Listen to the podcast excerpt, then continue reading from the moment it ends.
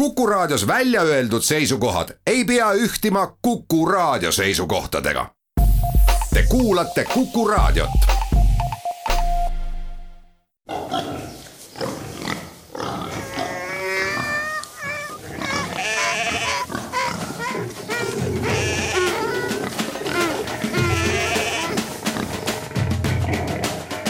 loomult loom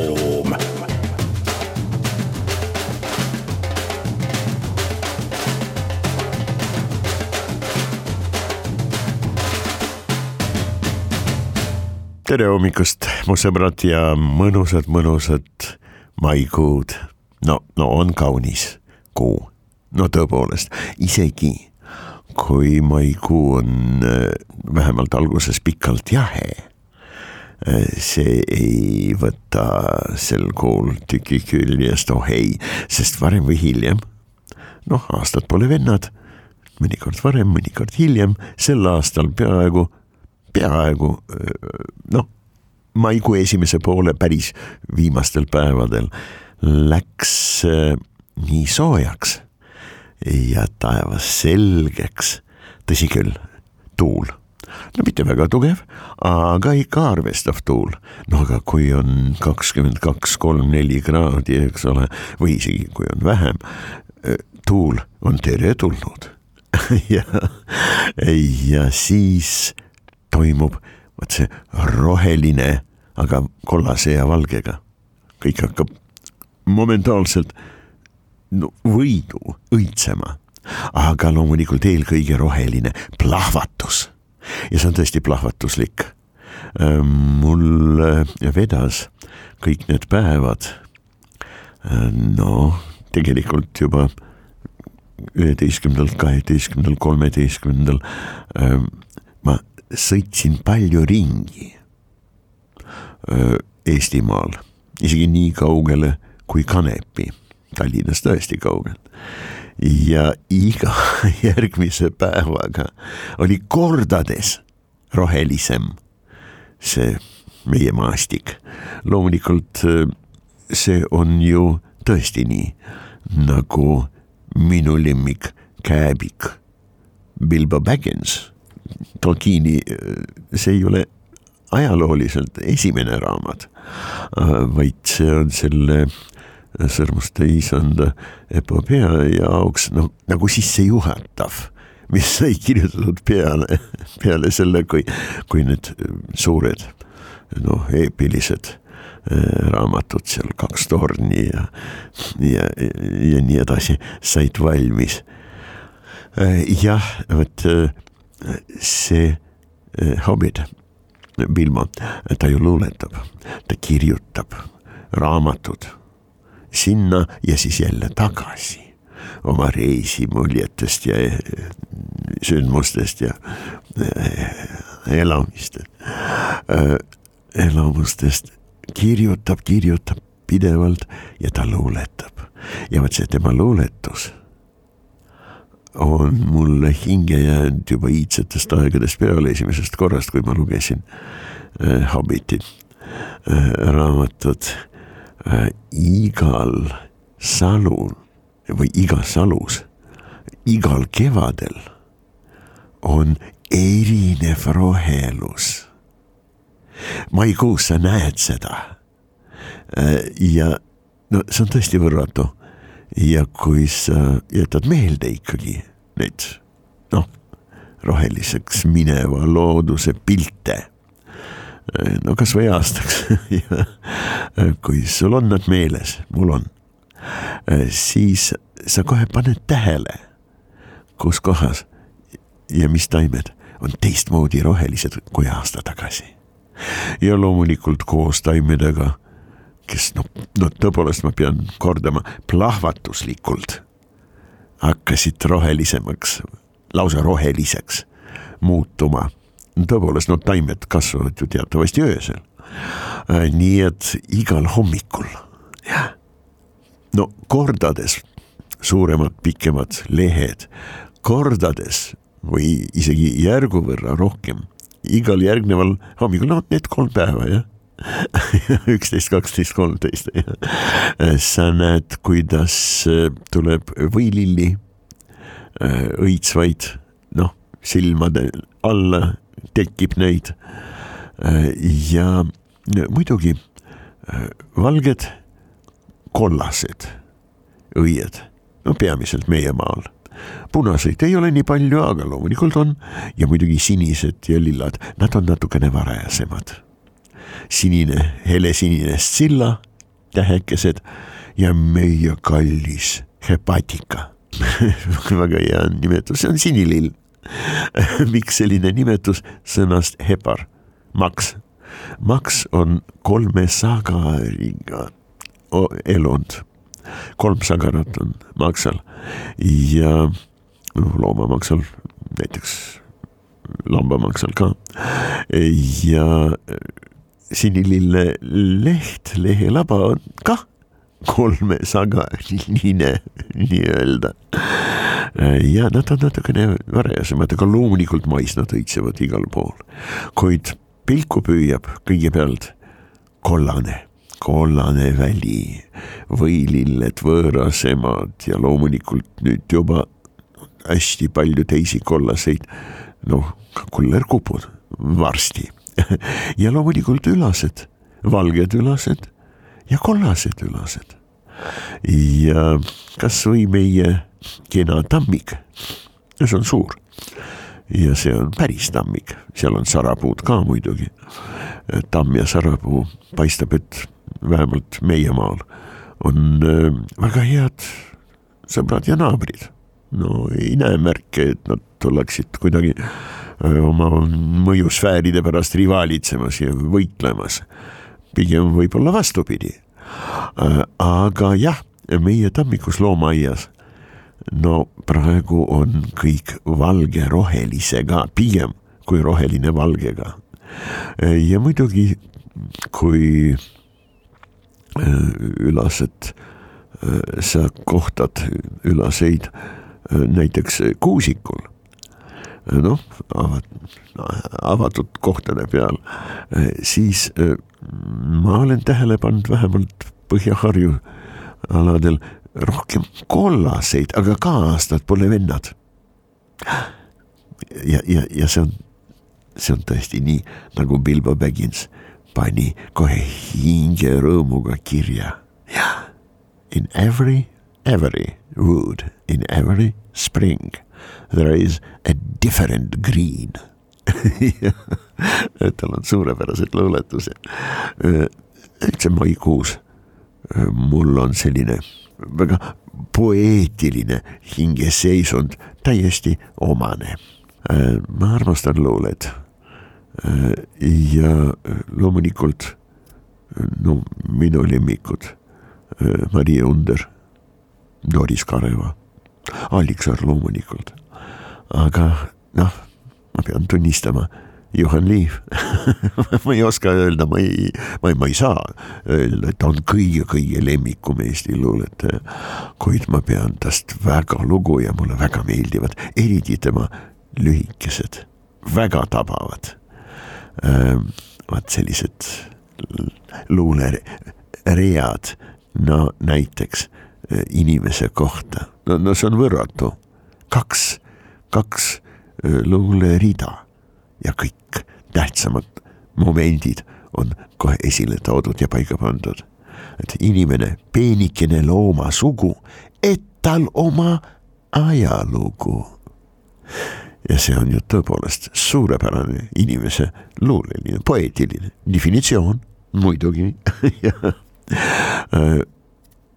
nii et suurepärane, suurepärane maikuu keskpaik. ja loomulikult linde on kõikjal. noh, kes laulab, kes on vait, aga tegutseb. ja no ma olen nüüd mai päris alguses näinud, loomulikult ka aprillis ja isegi märtsi lõpul olen näinud ähm, hanede parvede saabumist ühel päeval, see oli ilmselt kuskil kolmanda-neljanda mai paiku.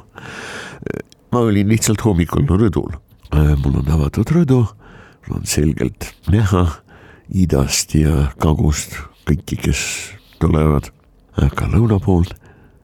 ja ma hakkasin neid hanede parvi noh loendama, aga üsna pea jätsin, jätsin katki selle tegevuse, sest no praktiliselt mõne minutiga ma lugesin neid kakssada kuuskümmend kaheksa siis läksin endale kohvi keetma. ja kõik see aeg neid lendas ja lendas ja ma tulin, noh, kaua sa kohvi keedad, eks ole. ma tulin jälle rõdule ja neid lendas veel rohkem, nii et ilmselt, ilmselt paari tunniga, no tublisti üle tuhande lindu. see on huvitav küll, kuidas nad loomaaia kohal lennates käituvad. Äh, mõni parv tuleb suhteliselt värskena ja nad eriti ei tunne loomaaia territooriumi vastu huvi. noh, kõht ei ole tühi ja väsimus. No, ei hakka murdma. kuid päris paljud sellised, õige mitmed sellised parved. Äh,, hall, kindlasti hall hani rabahani ja kanadalagle Neid kõiki ma olen näinud miiluhirve aediku vastu. Väga suurt huvi tundmas ma olen seda maininud kunagi meie soosiemiootilistes rännakutes seoses peamiselt sellega, kuidas loomad oma käitumises võtavad arvesse, lausa jälgivad pingsalt tõlgendavad ja võtavad otsused vastu äh, teiste loomaliikide äh, käitumise äh, poolest nii-öelda. vaadake, nüüd oli sel aastal täpselt sama pilt. See on küll nüüd poole võrra väiksem, kui see oli kolmkümmend aastat järjest.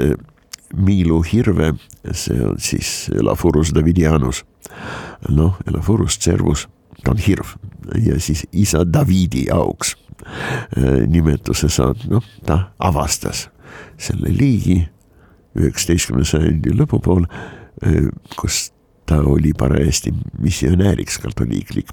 Äh, Armand David, prantslane katoliiklik, ma ei mäleta küll, mis ordu ta kuulus arvatavasti, dominikaanlane või dominiiklane.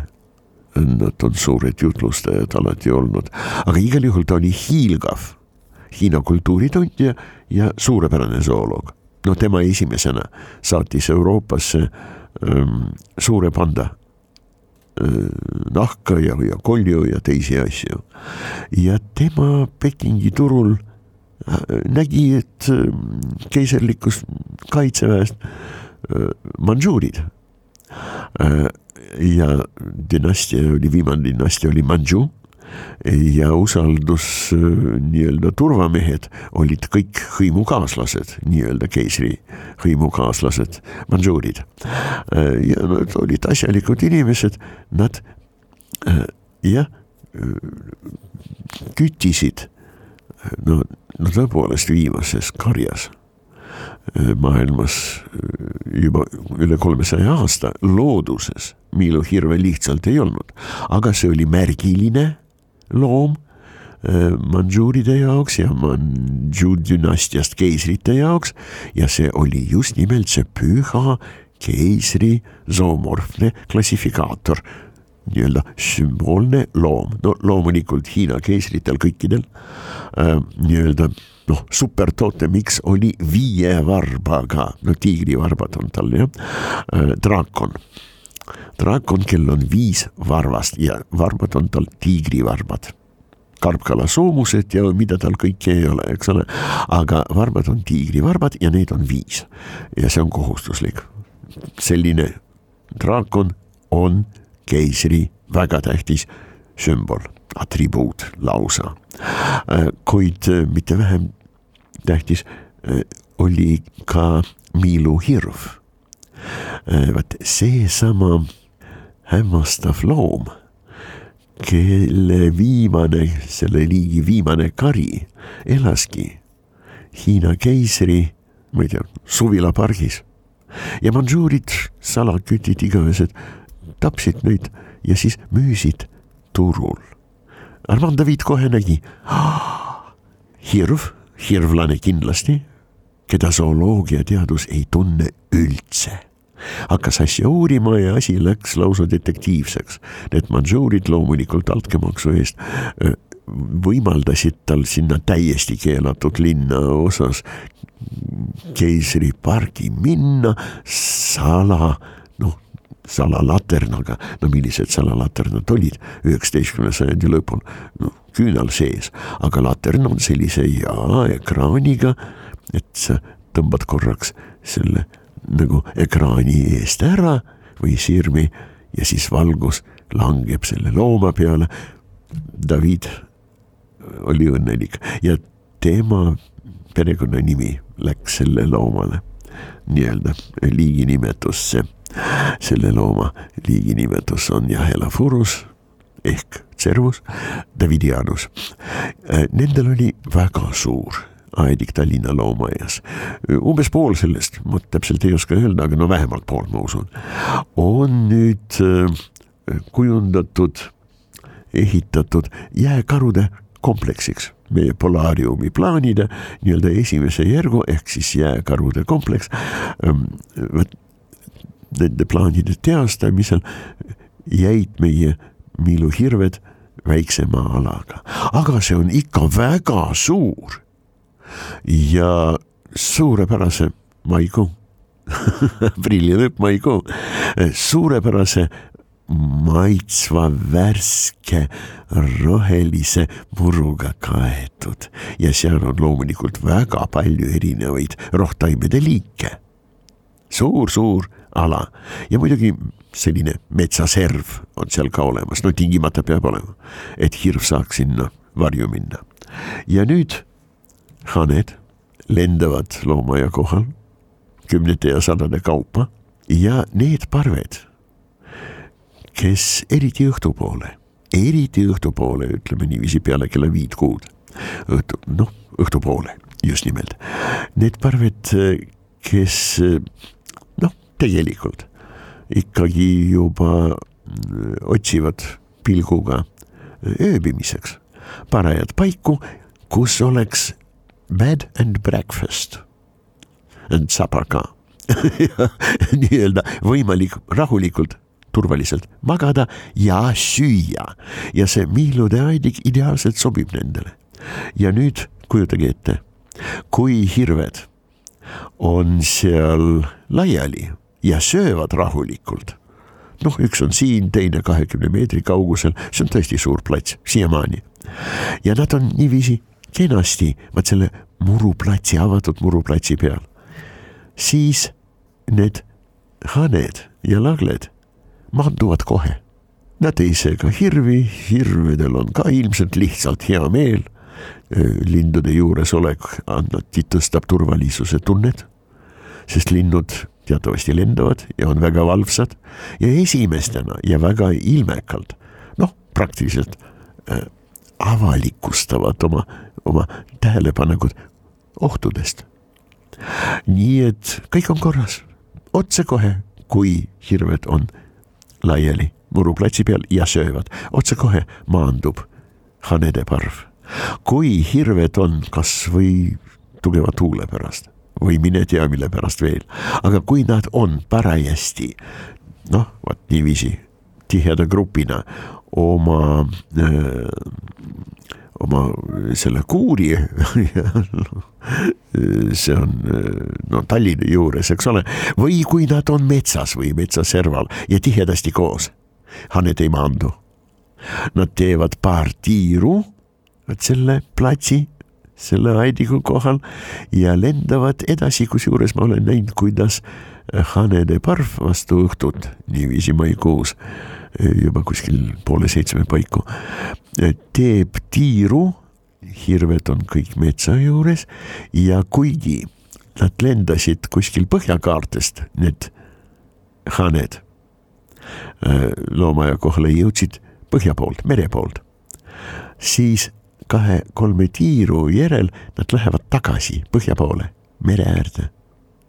ja ma ei saa seda väita kindlalt, aga mul on selline väga tugev, noh, lausa veendumus vähemalt tugev oletus, seesama parv mõne aja pärast tuleb tagasi, lendab tagasi loomaaiakaali ja vaatab, kuidas hirved nüüd käituvad.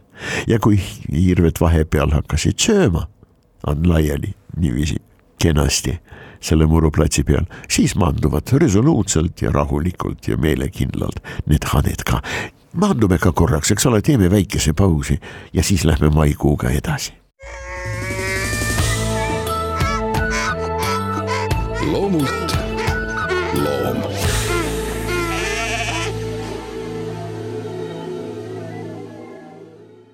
Loomad loomulikult on liikvel, muidugi. ja me teame, karud, siin oli ETV-s ma nägin ja kas oli Terevisiooni vist või see oli Ringvaade, igal juhul üks minu lemmikutest telesaadetest olid kaadrid suurest karust, üksinda, ilmselt isakaru kes ei teinud autodest, liikuvatest autodest üldse välja ja ma pean ütlema, et kõik autojuhid käitusid väga mõistlikult. see oli suurepärane võte. karu oli lausa maanteekraavis või selle läheduses, otsis endale söögipoolist. vahetevahel vaatas autode poole, siis jälle metsa poole ja autod liikusid kindla kiirusega mööda maanteed selline autode käitumine ei hirmuta äh, looma, ei pane teda muretsema. autod ei näe kiskja moodi välja mitte kuidagi, tegelikult, isegi ma ei tea. Porsche või Viper või Mustang. Isegi need autod ei näe kiske moodi välja. sellised tantsakad, elukad jalgu vaata, et ei olegi näha, vähemalt mitte jah, ja kuidagimoodi liiguvad, roomavad väga suure kiirusega, aga andke andeks, loomade meelest äh, nad ikka roomavad võib-olla teisiti on asi jalgrattaga. ja seal on jalad olemas, jalgratturil vähemalt ja nad liiguvad. nii et jalgratturid, olge ettevaatlikud te ikkagi näete välja ja palju-palju tõsisema looma moodi kui autod. tähendab, autod näevad välja väga tõsiste loomadena, kuid nad ei, ei tekita noh, sellist hirmu noh, kiskjate jaoks rivaal, suur kiskja, eks ole, lepiskloomade jaoks näed, kiskja peab kaduma. Või jah, jällegi mingisugune noh, ägedalt territoriaalselt käituv elukas, ei! Autod liiguvad kindlas suunas kindla kiirusega, nad ei ähvarda loomi. sellega tuleb loomulikult arvestada, kui sul maantee peal on loom. sa ei taha talle otsa sõita, sa vähendad kiirust, sa jääd seisma ja vot siis loom hakkab kohe ja tõsiselt muretsema ah,. nägi mind, vot see elukas ja jäi seisma mind vaadates, äkki ta tahab mind ära süüa või mätase lüüa ja loom võib käituda väga ettearvamatult, jah. kuid see karu käitus tõesti rahulikult. kõht on tühi loomal, muidugi kevadine aeg, toiduga, vot nüüd mais eriti peale selle, kui kaks-kolm ülisooja maikuu kohta. Päeva meil leidsid aset, nüüd toitu hakkas kah plahvatuslikus korras juurde tulema. Putukatele, lindudele, ja ka imetajatele ja loomulikult roomajatele. roomajatega on selline lugu, et nad on eh, kõigusoojased loomad. Ja nendel on väga hästi arenenud võime soojusenergiat, noh, nagu omada, jah, endasse võtma. see on klassikaline, vahest aprillis, aga mais kindlasti soojal päeval, päiksepaistelisel päeval, klassikaline meie looduse pilt. no tõesti üks minu jaoks üks sümboolsemaid ja tähtsamaid ja, ja lemmikumatest, rästik kivi otsas, kännu otsas, suuri seeni loomulikult kevadel ei ole, kuigi mürglid ja nende sugulased loomulikult on nüüd juba suured. Nad kasvavad ka paari-kolme ööga. aga jah, äh, rohkem suve lõpupoole sa võid näha, eriti kui suvi on jahe ja nüüd tuleb ilus, väga soe päiksepaisteline päev, siis noort rästikud äh, sa võid näha suure, no näiteks mõne puravikulise, eks ole, vot selle mütsi peal. soojusvanne, päikesevanne ja soojuslaenguid võtmas. kuid kivide peal, no see on kõige, kõige soojem koht, eks ole, ka kändude peal, ka väga soe koht, on neid näha küll ja küll ja nad tegelikult, kui ta on kivi peal ja kivi no ei ole lausa imara või mõne teise taime, täiskasvanud taimesse, siis sa loomulikult sa näed seda looma. kuigi äh, sambla peal, eriti kui seal on veel samblike ja mõned väiksemad, kõrgemad taimed ka, vot sellise kate peal rästik, kui ta ei liiguta ja ei sisise, sa ei pruugi tähele panna nii et hoiame silmad lahti, eks ole, me ei taha looma segada. Ja loomulikult me ei taha hammustada saada, selge see.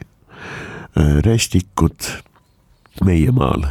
Reeglina on äh, noh, nüüd on vähemalt kuuest värvivariatsioonist. Äh, pruunikad või pronksias pruunikad või hallikad või lausa kergelt singjas hallikad, aga ikka selle oma musta siksak mustriga selja peal, noh, taust on natukene heledam ja siis seda igal juhul musta või väga tumepruuni mustrid on selgelt näha.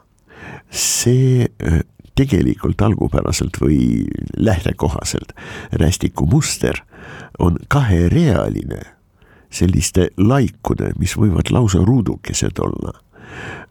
laikude paralleelsed ridade kaherealine selline ala, kus äh, need ruudukesed paiknevad nii nagu tumedad väljad malelaual või takso peal eks ole. nii et nende nurgad puudutavad teineteist ja kuidagi vaheliti, jah. nüüd, mida vanemaks saab rästik, seda ebamäärasemaks muutuvad vot nende laikude kontuurid ja nurgapidi nad sulavad ühte, tekibki selline siksakjoon, no tõepoolest. Nagu jah, Z-tähed üksteise järel ei, see ei ole hea võrdlus, malelaud on ikka kõige parem ja kõige adekvaatsem, ma ütlen. aga jah, meil on ka melanootilisi rästikuid ja rahva uskumuste järgi nad on kõige mürgisemad, see ei vasta tõele. see on igipõline inimese murelikkus mustade ja pimedate asjade ja olude suhtes. dikteerib sellist usku, uskumist, et jah, must rästik on kõige mürgisem, ei ole, ei ole. Äh, aga ta on kõige nii-öelda külma suhtes vastupidavam Arktikas. Me oleme hiljuti suhteliselt sellest rääkinud, kui ma väga pikalt rääkisin madudest üldse, et Arktikas looduses ma ei näinud ühtegi mitte melanootilist, mitte musta rästikut ja see on ka täiesti arusaadav, täiesti selge, see on Arktika. Iga soojuse, ma ei tea, mikrokalor ja kõik kalorid on fantastilisel kõrge hinnaga seda tuleb kohe püüda ja must võtab endasse, eks ole, neelab kõiki värve. ja loomulikult ka soojust, selge see. noh, kogu kiirgust, ütleme niiviisi, päikesekiirgust. ja kujutage nüüd ette selline must rästik. no ma mäletan ühte sellist, keda ma nägin Ehm, jah, seal Palmse kandis raba peal. ta oli raba lähedal ja ronis ta, see oli jah, maikuu lõpp, ja väga palav päev oli. aasta oli, kui ma ei eksi, kuuskümmend kaheksa või kuuskümmend üheksa. pilt on muidugi täiesti selge silmade ees, eks ole. täpset aastat praegu mälu järgi ma loomulikult ei saa öelda, aga see oli minu tudengipõlv. Ja kas ma olin juba menetluspraktikal mesilaslasi otsimas Eestimaal kõikjal või see oli teise kursuse praktikum? See tähendab selgroogsete loomade zooloogia praktikum, ma ei mäleta. aga see ei ole tähtis, tähtis on see, et seal olid mööndaastased, kuivad, maikuus sa leiad veel selliseid, eks ole, kuivad sõnajalad. kuidagi noh, ma ei tea, kas keegi lamas nende peal või kuidagi nad moodustasid suhteliselt tihedad ja kuldkollast vot sellised madratsid sõnajalg, sõnajalgade, noh, metsaserv, sõnajalad, edasi kohe raba, umbes nii. Ja selle madratsi kuldkollase päike paistab. Selle madratsi peal, no umbes kuskil seitsmekümne, seitsekümmend pluss sentimeetrit pikk, absoluutselt melanootiline rästik, parajasti punaste silmadega.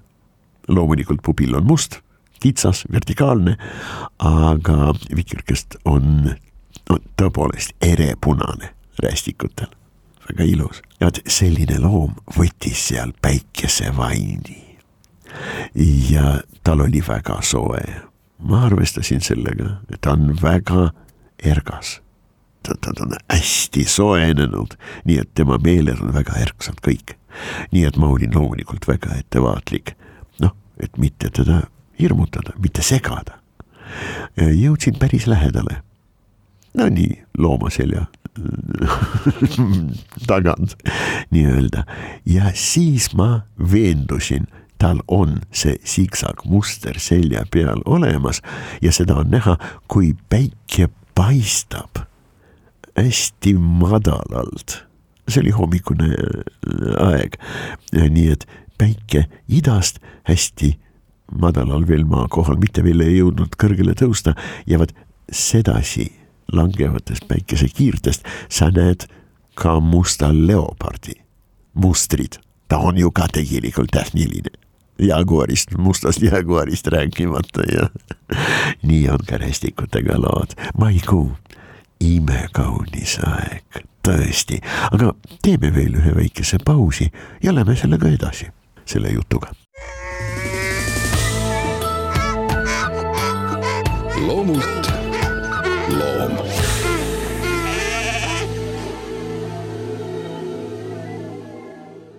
maikuus meil eh, liiguvad juba väga, väga paljud liigid, putukate liigid.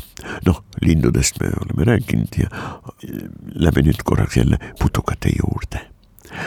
ja kui te lubate, noh, täiesti konkreetselt minu äh, mälestused Eh, nii-öelda suveniir, memuaar mälestused maikuu loodusest ja neid on hästi palju.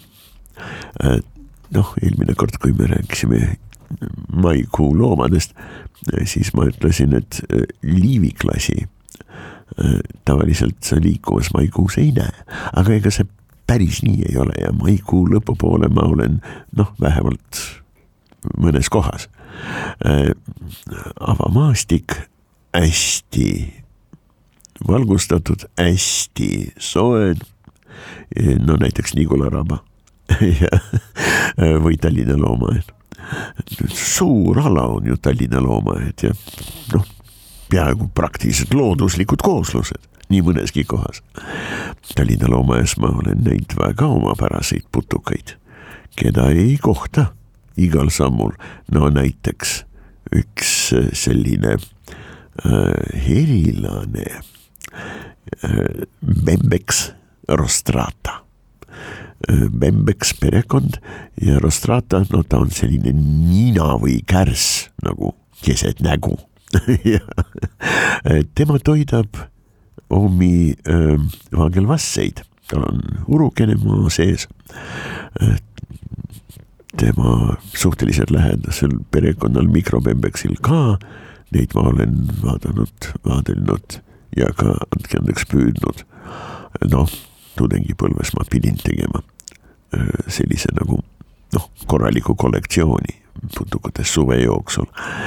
kiletiivaliste, aslaniste kiletiivaliste kollektsiooni, keda sain umbes kahe kuu jooksul Eestimaal leida ja ma sain neid päris palju aga jah, see selleks, nii et maa sees on urg, urus on Bembeksil vagelvastsed ja ta toidab neid kärbestega.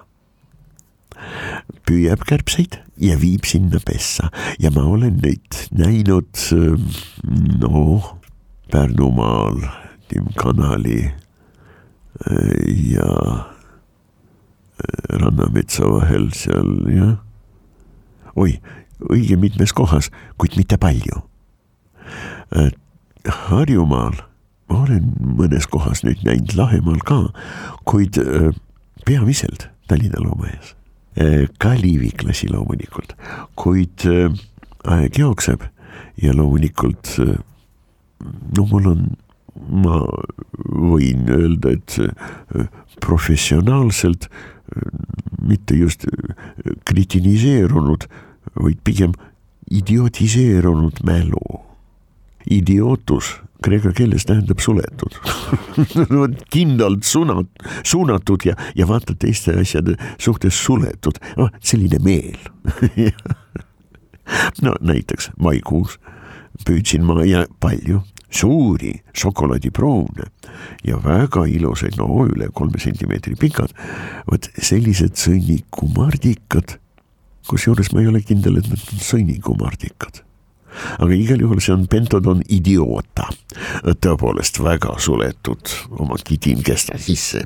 Loom see oli. aga jah, näete, no tõesti, no, no, no hakkasin juba kogu mälus rõõmsalt sobrama. Just nimelt maikuu putukate asjus, kes mulle kindlalt ja see võib-olla oli kõige noh, esmasem, varajasem ja dramaatilisem kohtumine tõesti suure Mardikaga maikuus. see oli umbes kaheteistkümnenda mai paiku ja ma olin kindlasti kuuendas klassis, mitte veel seitsmendas. ja meie suurepärane bioloogiaõpetaja sõitis meiega elektrirongiga, vot kusjuures ma ei tea, kuhu. mul on see kuskil kirjas, kuna putukas, putukapreparaat on mul alles ja täiesti terve tegin korraliku preparaati, seda küll. aga jah, me sõitsime siis loodusesse ja lihtsalt ühes lombis ma avastasin, no see oli tõesti avastus ja selline noh, nagu ilmutus. hästi suurt ja väga laia veemardika, see on lai ujur Didiscus latissimus, kõige laiem latissimus, äh, noh, vana nimetus, mida praegu ei kasutata, on Didiscus latissimus dorsi, kõige laiema, kõige laiema seljaga. ma püüdsin ta kinni, ta on üle nelja sentimeetri pikk, suur tõesti väga ilus loom, hästi tugev ka. Ja mul ei olnud mitte kuskile teda panna ma hoidsin teda peas. ja peas ma hoidsin teda kogu meie ekskursiooni vältel, see oli vähemalt poolteist tundi ja kogu rongisõidu ajal ja kogu koju mineku ajal ja kodus tegin vaesest elukast preparaati, ta on mul siiamaani kollektsioonist ah,. andku talle hing, nojah, vabandust lõpetame tänaseks maikuu, no tõesti vaimustav aeg, eks ole, looduse uurija ja looduse vaatleja jaoks, tegelikult kõikide jaoks. Suurepärane kuu, olge terved ja rõõmsad, kohtumiseni. loomult loom